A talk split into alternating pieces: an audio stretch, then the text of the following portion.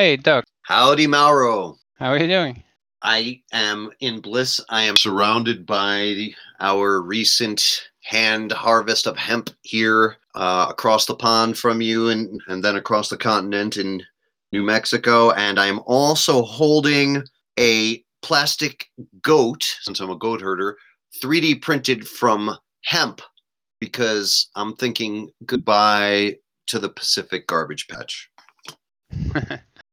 yeah, it sounds like uh, the best place to be in times of the pandemic. Very little has changed in, in, in this life, as you know, since we go back a while. Um, before I was reporting on cannabis hemp, let alone before becoming a regenerative hemp farmer, I was writing about the logistics of living a sustainable life in general, especially for someone as I did who grew up in the suburbs. So living on solar power and getting smarted by goats and driving on vegetable oil.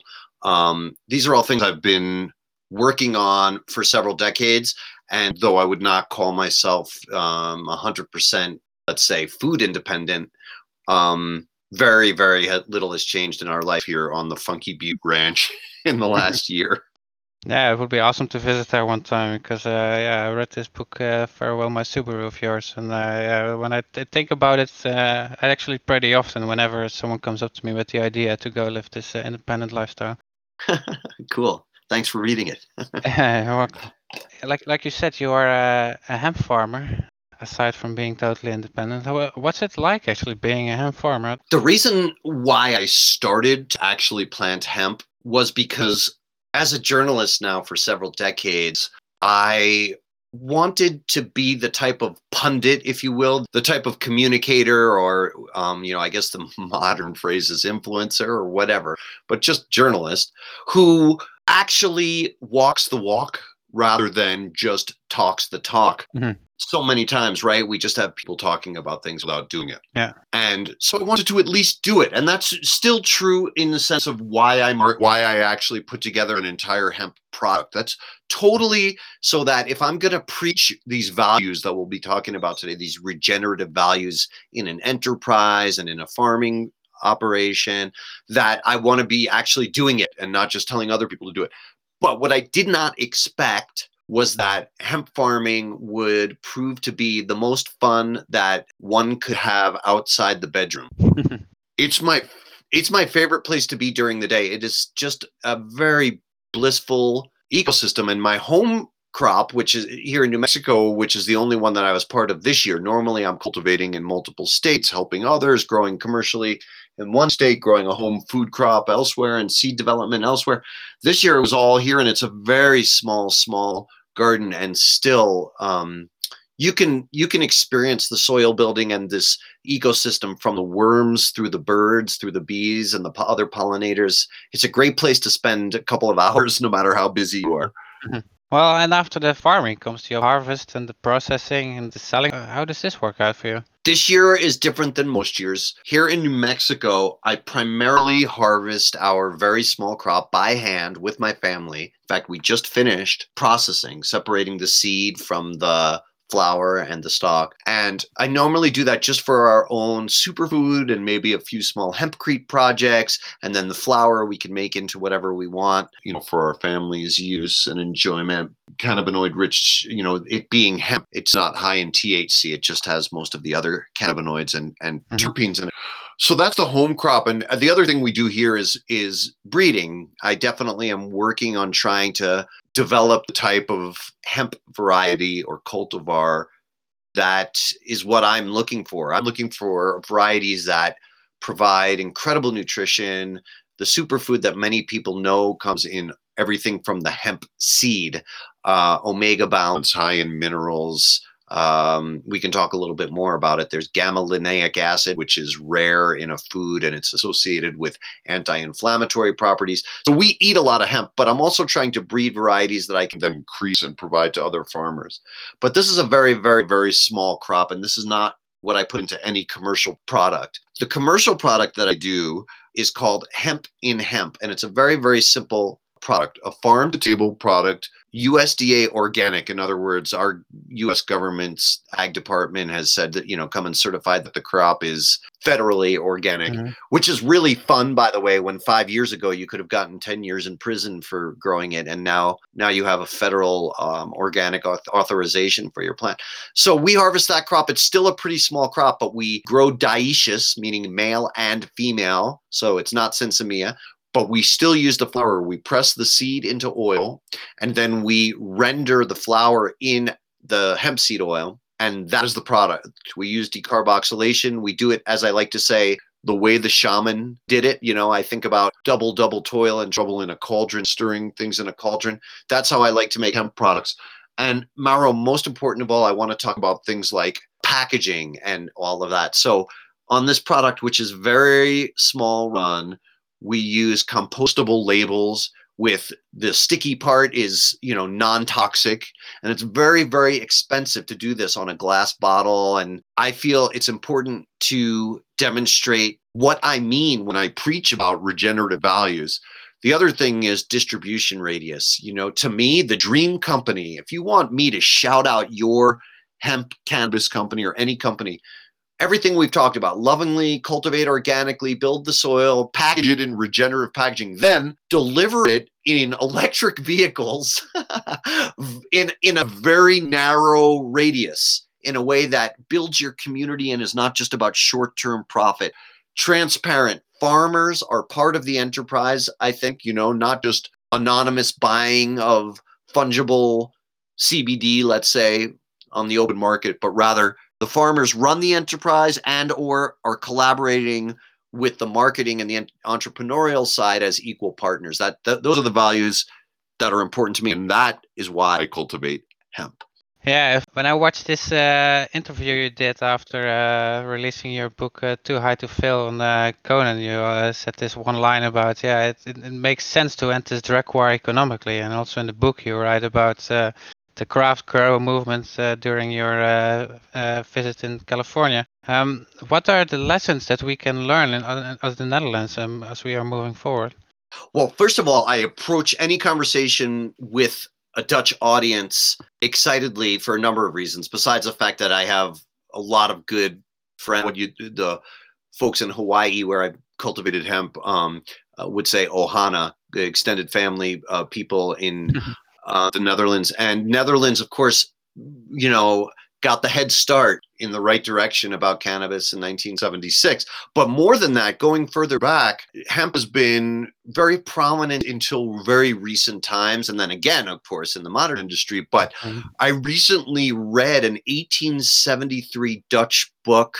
Um, I think it's called "What Comes from Hemp," and it's almost it's very poetic. It's it sounds like the regenerative values that that I talk about when I suggest people create and run regenerative enterprises because it's not just saying, "Oh, we're getting this extremely high val- uh, quality hemp with a high volume and we're harvesting it better and, than anyone else." and look at our it's saying things like, "Boy, it is so nice to be in the hemp field at harvest season." I think the fact that there are bees and birds here means we're going to have better hemp. This is really what I believe. I believe that in the digital age, and uh, we who handcraft and love our hemp and build soil, which of course that means sequestering carbon and helping mitigate climate change. Um, if you grow that way, you will win in the marketplace because your hemp is going to be higher quality. And we all want highest quality but also transparent. You know there's not going to be this anonymous problem with oh where do who provided my cbd is it good quality? Is it legitimate? It's Yeah. you know read the label. This is the farmer that grew it and we can all support regional enterprises. And i'm not saying that no dutch or other um you know uh, other um, c- um, customer would want an american product or vice versa. It's fun to experiment with varieties from all over the world. But day to day my big suggestion is that customers seek out that value added farmer owned enterprise in their region. That that's my message for for Dutch hemp. You can do it on relatively small acreage, but the other side of it is the farmer used to think that his or her job was finished when the harvest came in. You Mhm. could mend the harness and, you know, sit by the fireside and maybe you the middleman wasn't paying very good prices and you weren't getting rich. And of course, it's worse than that for many farmers today. They're deeply in debt and there's a suicide crisis with farmers worldwide, but particularly in places like India.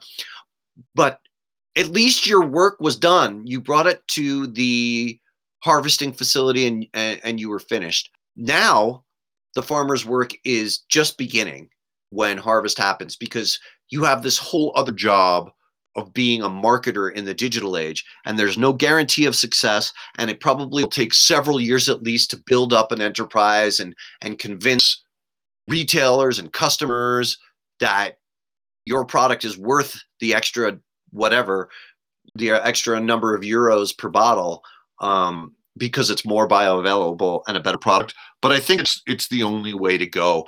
Um, regenerative is going to be the best time, and we're in the ninth inning, Mauro, for society.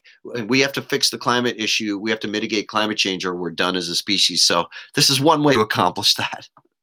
Yeah, for sure. When I watched this uh, new David Attenborough documentary recently, and it finished on uh, we should be giving more nature back to the world. I was really shouting it to the TV like hemp, hemp, grow hemp.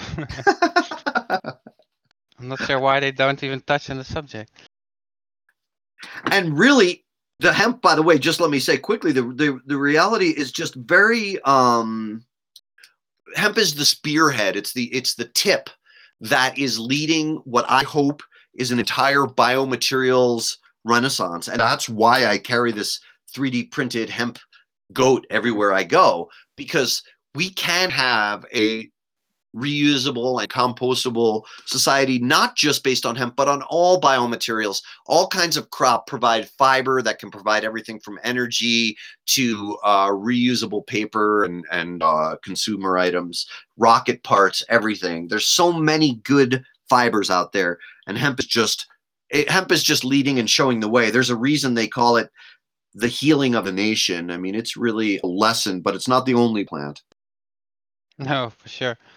Um, in the Netherlands, we actually have uh, hemp farming as well, and uh, but it, it's bound to a couple of really strange rules. Like, for example, the flowers cannot be processed into CBD oil here because it's not allowed to process cannabis. So what they do is they export this uh, to Germany, where they can make it into CBD oil, and then they import it back. But now recently they've luckily they they had a small win in the European Parliament, which ruled that all across Europe uh, industrial hemp will be allowed to uh, to 0.3 percent. But there's this other thing that's playing in which the European uh, Commission has said that they want to uh, put CBD in the schedule of well, where it's basically medicine and, and basically being a drug instead of it being an agriculture uh, product, and it's it's also playing in the United States. I learned. Uh, how is this? How is this going over there? I tend to look at policy issues surrounding cannabis hemp from a very high altitude. Uh, I'm looking five to ten years ahead um, in general. The people that are slogging it out in the trenches now, winning the final battles of the lunacy of the war on cannabis hemp, um, I respect those people immensely. Activists, uh, uh, farmers, policymakers, even even um, in attorneys that are really working f- for the return of cannabis hemp in a good way. My view is very very high altitude, and um, I'll tell you why. Um, first of all, the war on cannabis in the United States it's effectively over. The final removal of psychoactive cannabis from our federal um, you know narcotics laws is coming very very soon and as you know state after state continues to legalize and the, the federal government in the us has basically taken a hands off approach um, so it's effectively legal for tens of millions of americans all cannabis so it's easy for me to take a high altitude view and say, here's what is the only logical um, approach. And so I, I'll tell you the specifics of, of, of, how I see of how I see that. But I, I wanted to mention it because this word, when I say something is insane, I don't use that lightly. I, I'm a person who has a life that is really, really free from interaction with bureaucracy and authority. I mean, that's that's the way I like it. I've lived very remote and rural for most of my life. And so if I'm going to tap in and if I'm going to participate in the official system for anything, I'm not going to stand by for any nonsense, especially when it is truly insane. When people are making rules that are based on as if cannabis lost the war on cannabis. But guess what? Mm. Cannabis won the war on cannabis. And so that the winners decide what's going to happen. And so when whenever I hear anything related to cannabis hemp that is not what I think is the best thing for the earth or for individuals' human rights, such as the right to grow any plant that they want at their home without any kind of interference from authorities or government at all. I don't stand for it. I don't tolerate it. And because as an author now and as a farmer and as a journalist, I have a mouthpiece and I have folks, um, uh, I feel very lucky in authority who are willing to, to listen to me. It's a very mutually respected situation. And not just me, by the way. There's lots of other people who are mm-hmm. also spe- speaking these truths. But for instance, Congress people, uh, senators will listen uh, really also in the us when it comes to hemp specifically you know today defined on that 0.3% uh, thc by dry weight this the administrators of the hemp programs in my own state of new mexico we i just got a text from him we we correspond regularly uh, my cultivation partner in Vermont is the state hemp administrator. We grow hemp together. So we have a very like minded approach of what we see in the future. So this is very long winded way of saying that this is the end game as many of us see it. The end game is something called THC irrelevance until the retail level. And what that means is on the federal level in the US, and I'm sure we can map this to the Netherlands and other countries, but on the on the federal level in the US, there will be no cannabis definition based on THC. It will be like alcohol. Cannabis is just cannabis. And a state or a locality may choose a THC level of its choice above which cannabis flower that reaches the retail market will be regulated as though it were adult use, alcohol or medicinal use, for instance. Below that level, nobody's business.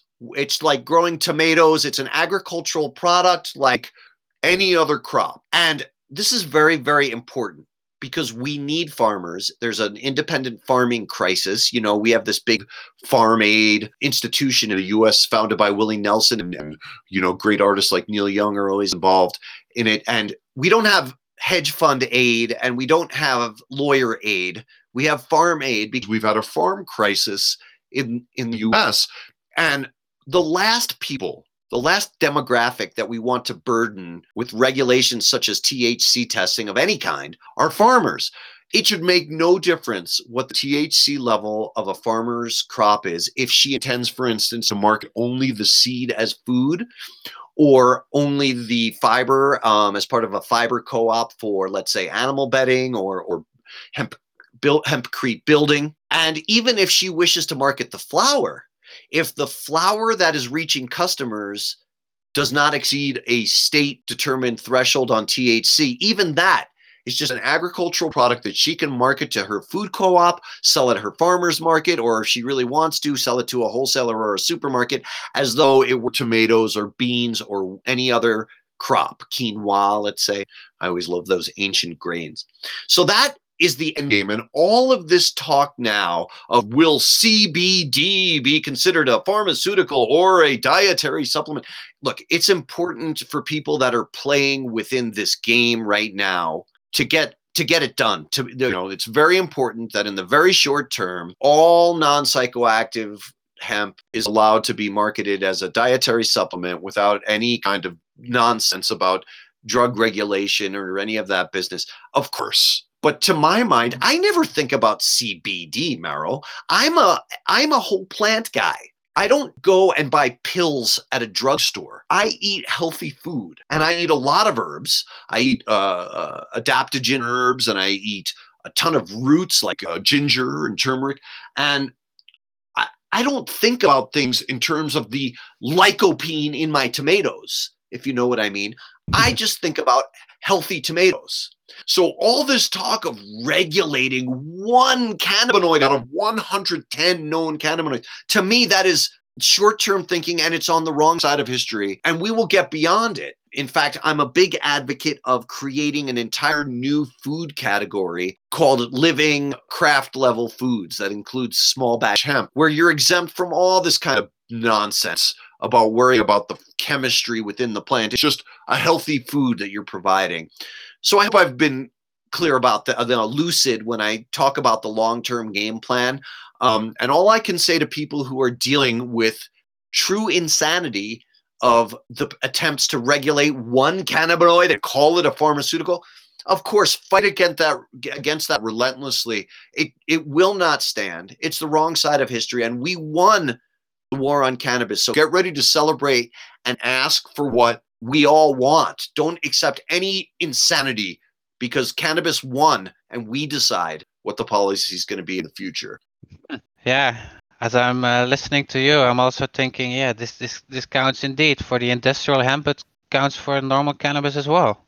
Absolutely. In fact, I'm a big believer that the delineation between cannabis and hemp is artificial and it's recent. So, first of all, in the US and Canada, especially, the 0.3 level was arbitrarily chosen. That was their words by the research by researchers in a Canadian paper in 1976. They were just trying to pick a level that they thought you could smoke as much as you want and you won't get high, you know. Um, and so they okay. picked 0.3 and they've all, you know, in the paper it says we arbitrarily chose it. And so we yeah, we just have to get past the stigma of THC and it's all one plant again. Um, and of course, again, like I said, if the THC level is above some level, let's say 3%, not 0.3%, if the THC level is above 3%, a state like you know Oklahoma or or or, or a region of the Netherlands can say, okay, if it's above three percent, it has to be regulated like an adult use product. You can't just go in and buy it at, at any any age or whatever. But below that, the burden will be completely off the farmer. It is one plant. Another example is in the US, prior to the initiation of cannabis prohibition here in 1937, Kentucky, for the previous half century, had been the leading hemp producer and was thought of worldwide as really having the highest quality hemp. And nobody THC tested it. Today, I'm wearing a lot of hemp right now. Today, most of it is grown in China although some of it's grown by Dutch-owned companies in in Romania and, and elsewhere. But um, but in China, nobody's going out there with a with a liquid spectrometer and testing the flowers of, of the Chinese fiber crop. They are just growing the crop that they believe will be the best fiber. And of course, that's how it should be. Again, this word insane. I do not use this word lightly. But if you are telling a farmer to grow of an inferior crop that will not make the best quality crop. It will not make the best fiber or the most nutritious seed because maybe if someone harvested the flower and smoked it, it might be 1.6% THC and no, will they get high? That is insane and it is happening. I got an incredible note, uh, just an incredible note on this, you know, insane front a year or so ago. I was invited to have a cultivar that I've been developing for a number of years. I was invited to have it introduced in a, in a trial in the US state of North Dakota. And all through the season, my colleagues and friends were sending back these pictures of my cultivar. Just, I, I, I say this very humbly because I do not consider myself an expert farmer. It was it was just beautiful it looked everybody was it was beautiful okay it was it, it and i got a note at the end of a season dear doug uh, from the professor that was doing this study. Dear Doug, once again, thank you for participating in our trial. Your samurai variety has grown the best by far, you know, visually of any of the varieties that we tried. It's just a fantastic, fantastic cultivar for, for, from that perspective perspective. However, it tested at 0.51. I can't remember what. 0.51. This is such a small amount. Even 5% would be a small amount, but 0.5. Therefore, we can we are recommending that farmers not use this variety in North Dakota, and we are going to recommend that they use other varieties that have been tested this year. So th- thank you very much, and props to this guy for giving me his honest opinion and all that business, right? And he's bound by certain laws and all that stuff. But let's translate this. He's saying, "Dear Doug, We are not using the best hemp because we're pretending that there is still a war on cannabis and we're telling farmers to grow a shittier variety, a crap variety. Well, let me be more kind. We are a less productive variety. We're suggesting. So let's populate our American hemp with not the best hemp because we still are pretending that there's a war on cannabis. That, my friend, is insanity. And we are not going to stand for it. We humans are not going to stand for it. We, it's a human right to cult, cultivate what you want to eat, and the war on cannabis is over, and we will get there to THC irrelevance. But boy, man, the, yeah, we cannot stand for that. Mm-hmm. How long do you think it's still going to take? Because now with these elections coming up, uh, apart from the presidential elections, there's also uh, in, in four states they're going to vote about whether it's going to be uh, legal or not. Um, we, as Europe watching this, we need the uh, United States to go first because of all of the banking connections that are there. That's how I see it and how I, I feel about it. Because right now, uh, even here in the Netherlands, we have banking problems because there's parts of the bank that's connected to the United States, and then they're bound by the federal law, which says you cannot do any business with cannabis businesses. So, yeah.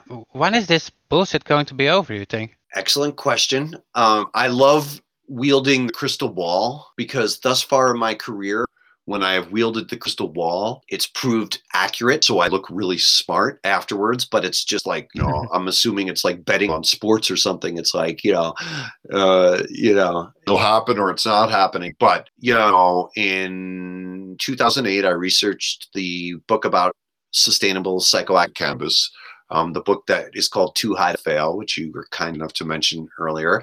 And that's where I first met our mutual friend, Derrick Bergman, you know, the great founder of VOC Netherlands and just a great human being and journalist when I was on a European book tour. The uh, in 2013, quick side note, that book tour was managed by my friend Michel Degens of Hasselt, Belgium, who is a currently being prosecuted for trying to work on the cannabis hemp plant. So I urge everyone to support him and look into his story. Um, but in that book in 2011, I said cannabis is going to start to be legalized in the U.S. in the you know very soon, you know, in the next year or so. And then our first few states did do that the next year or so. After all, uh, you know, long struggles, we started legalizing in in the U.S.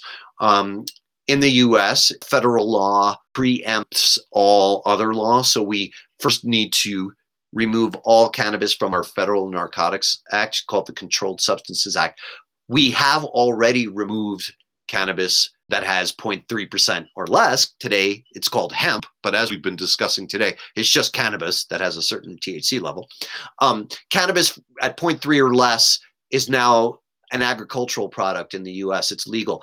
I forgot to mention, we are in a huge effort to raise immediately raise the THC definition to 1% in the US. So you were talking about the US has to go first on all cannabis. You're absolutely right, but I, I urge the world to pay attention. We are, I predict in the next year, going to raise our hemp definition to 1%, which is a start. As I said, we want to get to federal THC irrelevance and letting the states decide. But 1% is going to help because, especially for hemp, for, for food and fiber, the, T, the mm. many varieties want more THC in their system than 0.3, not much. And, and one is a good start.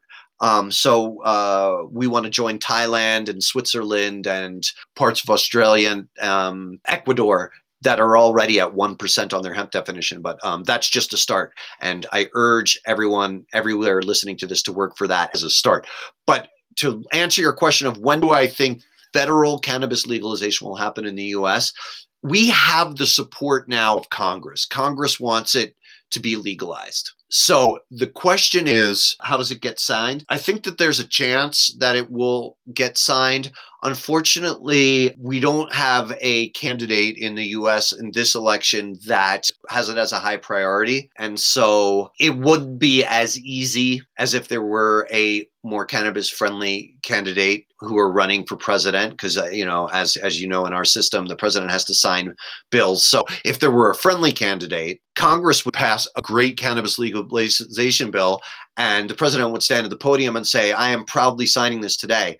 That's coming but it's not coming this election. What what's going uh, after this election that doesn't mean that cannabis won't be legalized. What it means is if it is legalized it's likely going to be part of a big negotiation in a bigger kind of bill where it's kind of um, it's done as part of with less fanfare as part of a bigger bill. In short, we'll I'm rubbing the crystal ball now, or I should say I'm rubbing the hemp goat right now. I I think um, yes, it will happen in the U.S. Um, in the next four years. We may have some more mop up work to do after that, in other words, to make sure that it's done in the best possible way. But I do think cannabis will be entirely removed from our Controlled Substances Act in the next four years. Okay, interesting. That's a different take on it than uh, I have heard uh, or read uh, elsewhere for sure. Now, you're also doing these online hemp courses, I saw. How's, how's this working out? Thanks for asking about that. Because I believe hemp is a very big tent. Hemp and cannabis is a big tent. For instance, I really think building soil, growing outdoors in healthy soil is very important as we've been discussing. I think it's it makes the best hemp and I think it's important in terms of everybody's mission here to keep humanity alive by living a regenerative life and also running a regenerative enterprise. So, hemp being a big tent, I'm very appreciative, for instance, to the people who were able to get cannabis hemp to people during prohibition. Um, and oftentimes, not always, but oftentimes that meant growing indoors, let's say. So I'm not going to be critical of people that have cultivated by one mode or another. Uh, even during prohibition, I'm of the belief that the Emerald Triangle farmers, let's say in the U.S., uh, who cultivated outdoors, that they were they were growing the best uh, the best cannabis. I really believe that. But nonetheless, I want to be inclusive and say that I don't intend to criticize any mode, but the mode that I embrace and the mode that I try to practice is called regenerative hemp. And that is organic, yes, outdoor, yes, build your soil. So, this hemp course is a very comprehensive 10 chapter online course that people can take from anywhere on the planet at their own pace. And it covers everything from building the microbes in your soil through cultivation, harvesting, genetics, permitting, uh, packaging, marketing, and regenerative uh, entrepreneurial efforts. So, all sides of the plant as well, whether you're growing sinsemilla for cannabinoid market like CBD and CBG, or if you're growing seed and fiber and or as i like to do all sides of the plant or if you're growing to build soil which we call phytoremediation. Side note i'm very glad to report that a cultivar that i've been developing here in new mexico has been used in a first phase study at a college here in new mexico and has shown to be cleaning soil uh, soil that is tainted by uranium from mining um, in our Four Corners region of New Mexico. So I'm really proud to have provided the genetics that are showing promise in phytoremediation. Um, of course, the, the hemp does most of the work. I'm just a midwife, but I'm very proud that the genetics that I've been working on are showing promise and the, and the studies are continuing. So um, that's something, uh, if folks want to subscribe to my mailing list or ch- take the hemp course, you can keep in touch through my social media or my dispatches on the progress of that and all my work. But as far as the hemp course goes, it's 10 comprehensive chapters. And for instance, in soil building, I discuss how I like to ha- hike into the wet part of a watershed and collect a little bit of mycelium and uh, fungus, good fungus, and build it into a compost tea that I then feed to the soil. And this is about better hemp later on. When you're building a happy soil, you're making it easy for your hemp when the soil is thriving on the microbial level. So that's the, the level of detail that we get into in the course and all of it information on the course and signing up for the dispatches on my newsletter. And if you are interested in my books and audiobooks, they're all at my website at dougfine.com. Cool. And people can sign up from all around the globe, right? Yes, for the course, absolutely. You can sign up and and uh, take the course at your own pace. It's live right now, um, and you'll see a link right on my homepage. It says you click on my goat's head. It says take a uh, take Doug Fine, register for Doug Fine's hemp course. Yeah, just so. And uh, you just uh, got a new book out. It's actually your sixth book already, American Hemp Farmer. How's been the reception of that so far? Thank you for asking that. Um, good. I, I felt really good about this book. I I thought I was ready to write some comedic fiction. Like I thought after all, you know, I, uh, you mentioned Farewell My Subaru, my book about trying to live without petroleum and keeping digital age comforts, and then uh, writing Too High to Fail about cannabis, and then um, printing a hemp monograph and then writing another book, Hemp Bound, about hemp, which, by the way, speaks to the managing uh, director at Hempflax, the Dutch hemp company. So I thought I was ready to write about something else. And the the folks that published Hemp Bound said, "How about just a really a, a, a immersive, practical? You know, if of course it's going to be funny." if you're writing it because i always write about myself making mistakes it's always about self-deprecating you know slips and, and foibles um, whether it's getting electrocuted by solar panels outsmarted by goats or you know driving 50 mm-hmm. pounds of hemp nearly into a state where that hasn't you know doesn't have as friendly laws as where i was cultivating at the moment. The new i said okay so i wrote this new book and it's called american hemp farmer. It could really be called human hemp farmer. It's about how independent farmers can once again make a living by becoming farmer entrepreneurs while mitigating climate change. And I know this sounds grand, but also while helping save humanity by mitigating climate change. So to some degree, it's a, it's a look at a whole season and it's a step by step guide of how to do it. But um, I hope it makes people laugh, and it's available in book, ebook, and audiobook. Wow, yeah, Derrick already has it, so uh, I hope to uh, borrow it uh, someday. Yeah, you got it, and and I, I really appreciate that you're doing this podcast, and I, I hope it's very successful. Yes, thank you. You're uh, now the 15th guest, and uh, yeah, I, I, think we've had a good stream of uh, conversation up until now.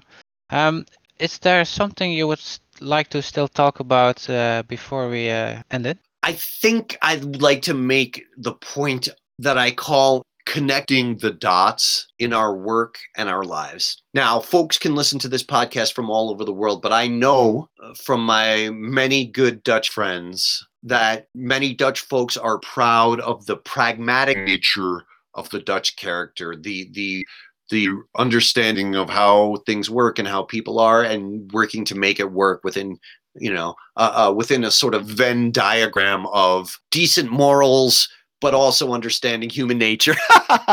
and um, so I love that about Dutch people. Um, if I'm if I'm being accurate, we of course never want to generalize, but you know we are talking about the place that that invented the corporation right? The first the first corporation. And so i understand about pragmatism all over. And that said when i say connecting the dots in our work and our lives i'm talking about this issue of the climate situation is at a tipping. And there's, in my view, there's no reason that we cannot readjust everything that we do as a society now, as this worldwide collection of humans and, and the planet and everything else that lives with us here, including those microbes at the soil in the soil were my new best friends. Um, alongside the hemp and cannabis because we both nurture the, the hemp and cannabis plant. But we, we don't really have time to sort of bargain and say, well, yeah, let, let's let's give a cannabis example. Yes, of course, it uses a lot of petroleum energy to run my indoor hemp cultivation facility, but I really want to do it in this way where I can be growing year round and I don't want to have to build soil that's expensive.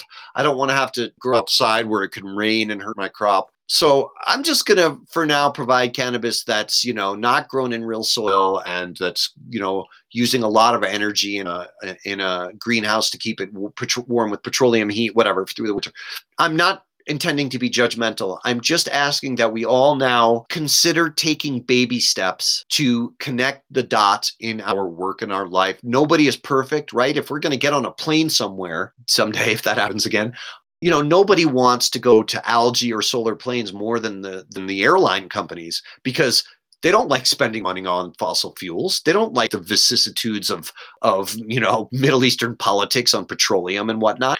They'd rather have a panel that would solar panel that would work for free. Their profits would go up. We all want the same thing. We can keep our good life going if we work towards taking baby steps. For the hemp and cannabis farmer, producer, entrepreneur, I urge folks to consider, even on a small scale, cultivating outdoors, educating the customer that you're building soil. Tell the customer how much carbon you are sequestering, build soil, and be proud that your product is not only the best quality but is doing the most good for all of our grandchildren. For the customer when i we think of connecting the dots it's please in all of your purchases not just hemp cannabis. Think about these regenerative values. Try to shop locally. Try to support uh, local producers of your food and of everything. And if we really think this way um, I think humanity has a chance. So, yeah, thanks to everyone, and, and thanks for allowing me to uh, be able to, as a job, say what I really believe. yeah, it's fantastic, and I think it's a very good message also for uh, what the future will hold here in the Netherlands. Thanks for giving me the mouthpiece. Yeah, you're welcome. Yes, thank you so much for uh, joining me here on this podcast, and uh, yes, I, I wish you all the best over there in New Mexico. My pleasure, Mauro, and I look forward to us hanging out again. Um, more good times in the Netherlands and elsewhere. For sure. There will be uh, a lot to talk about. Have a good day. Thank you. Bye bye.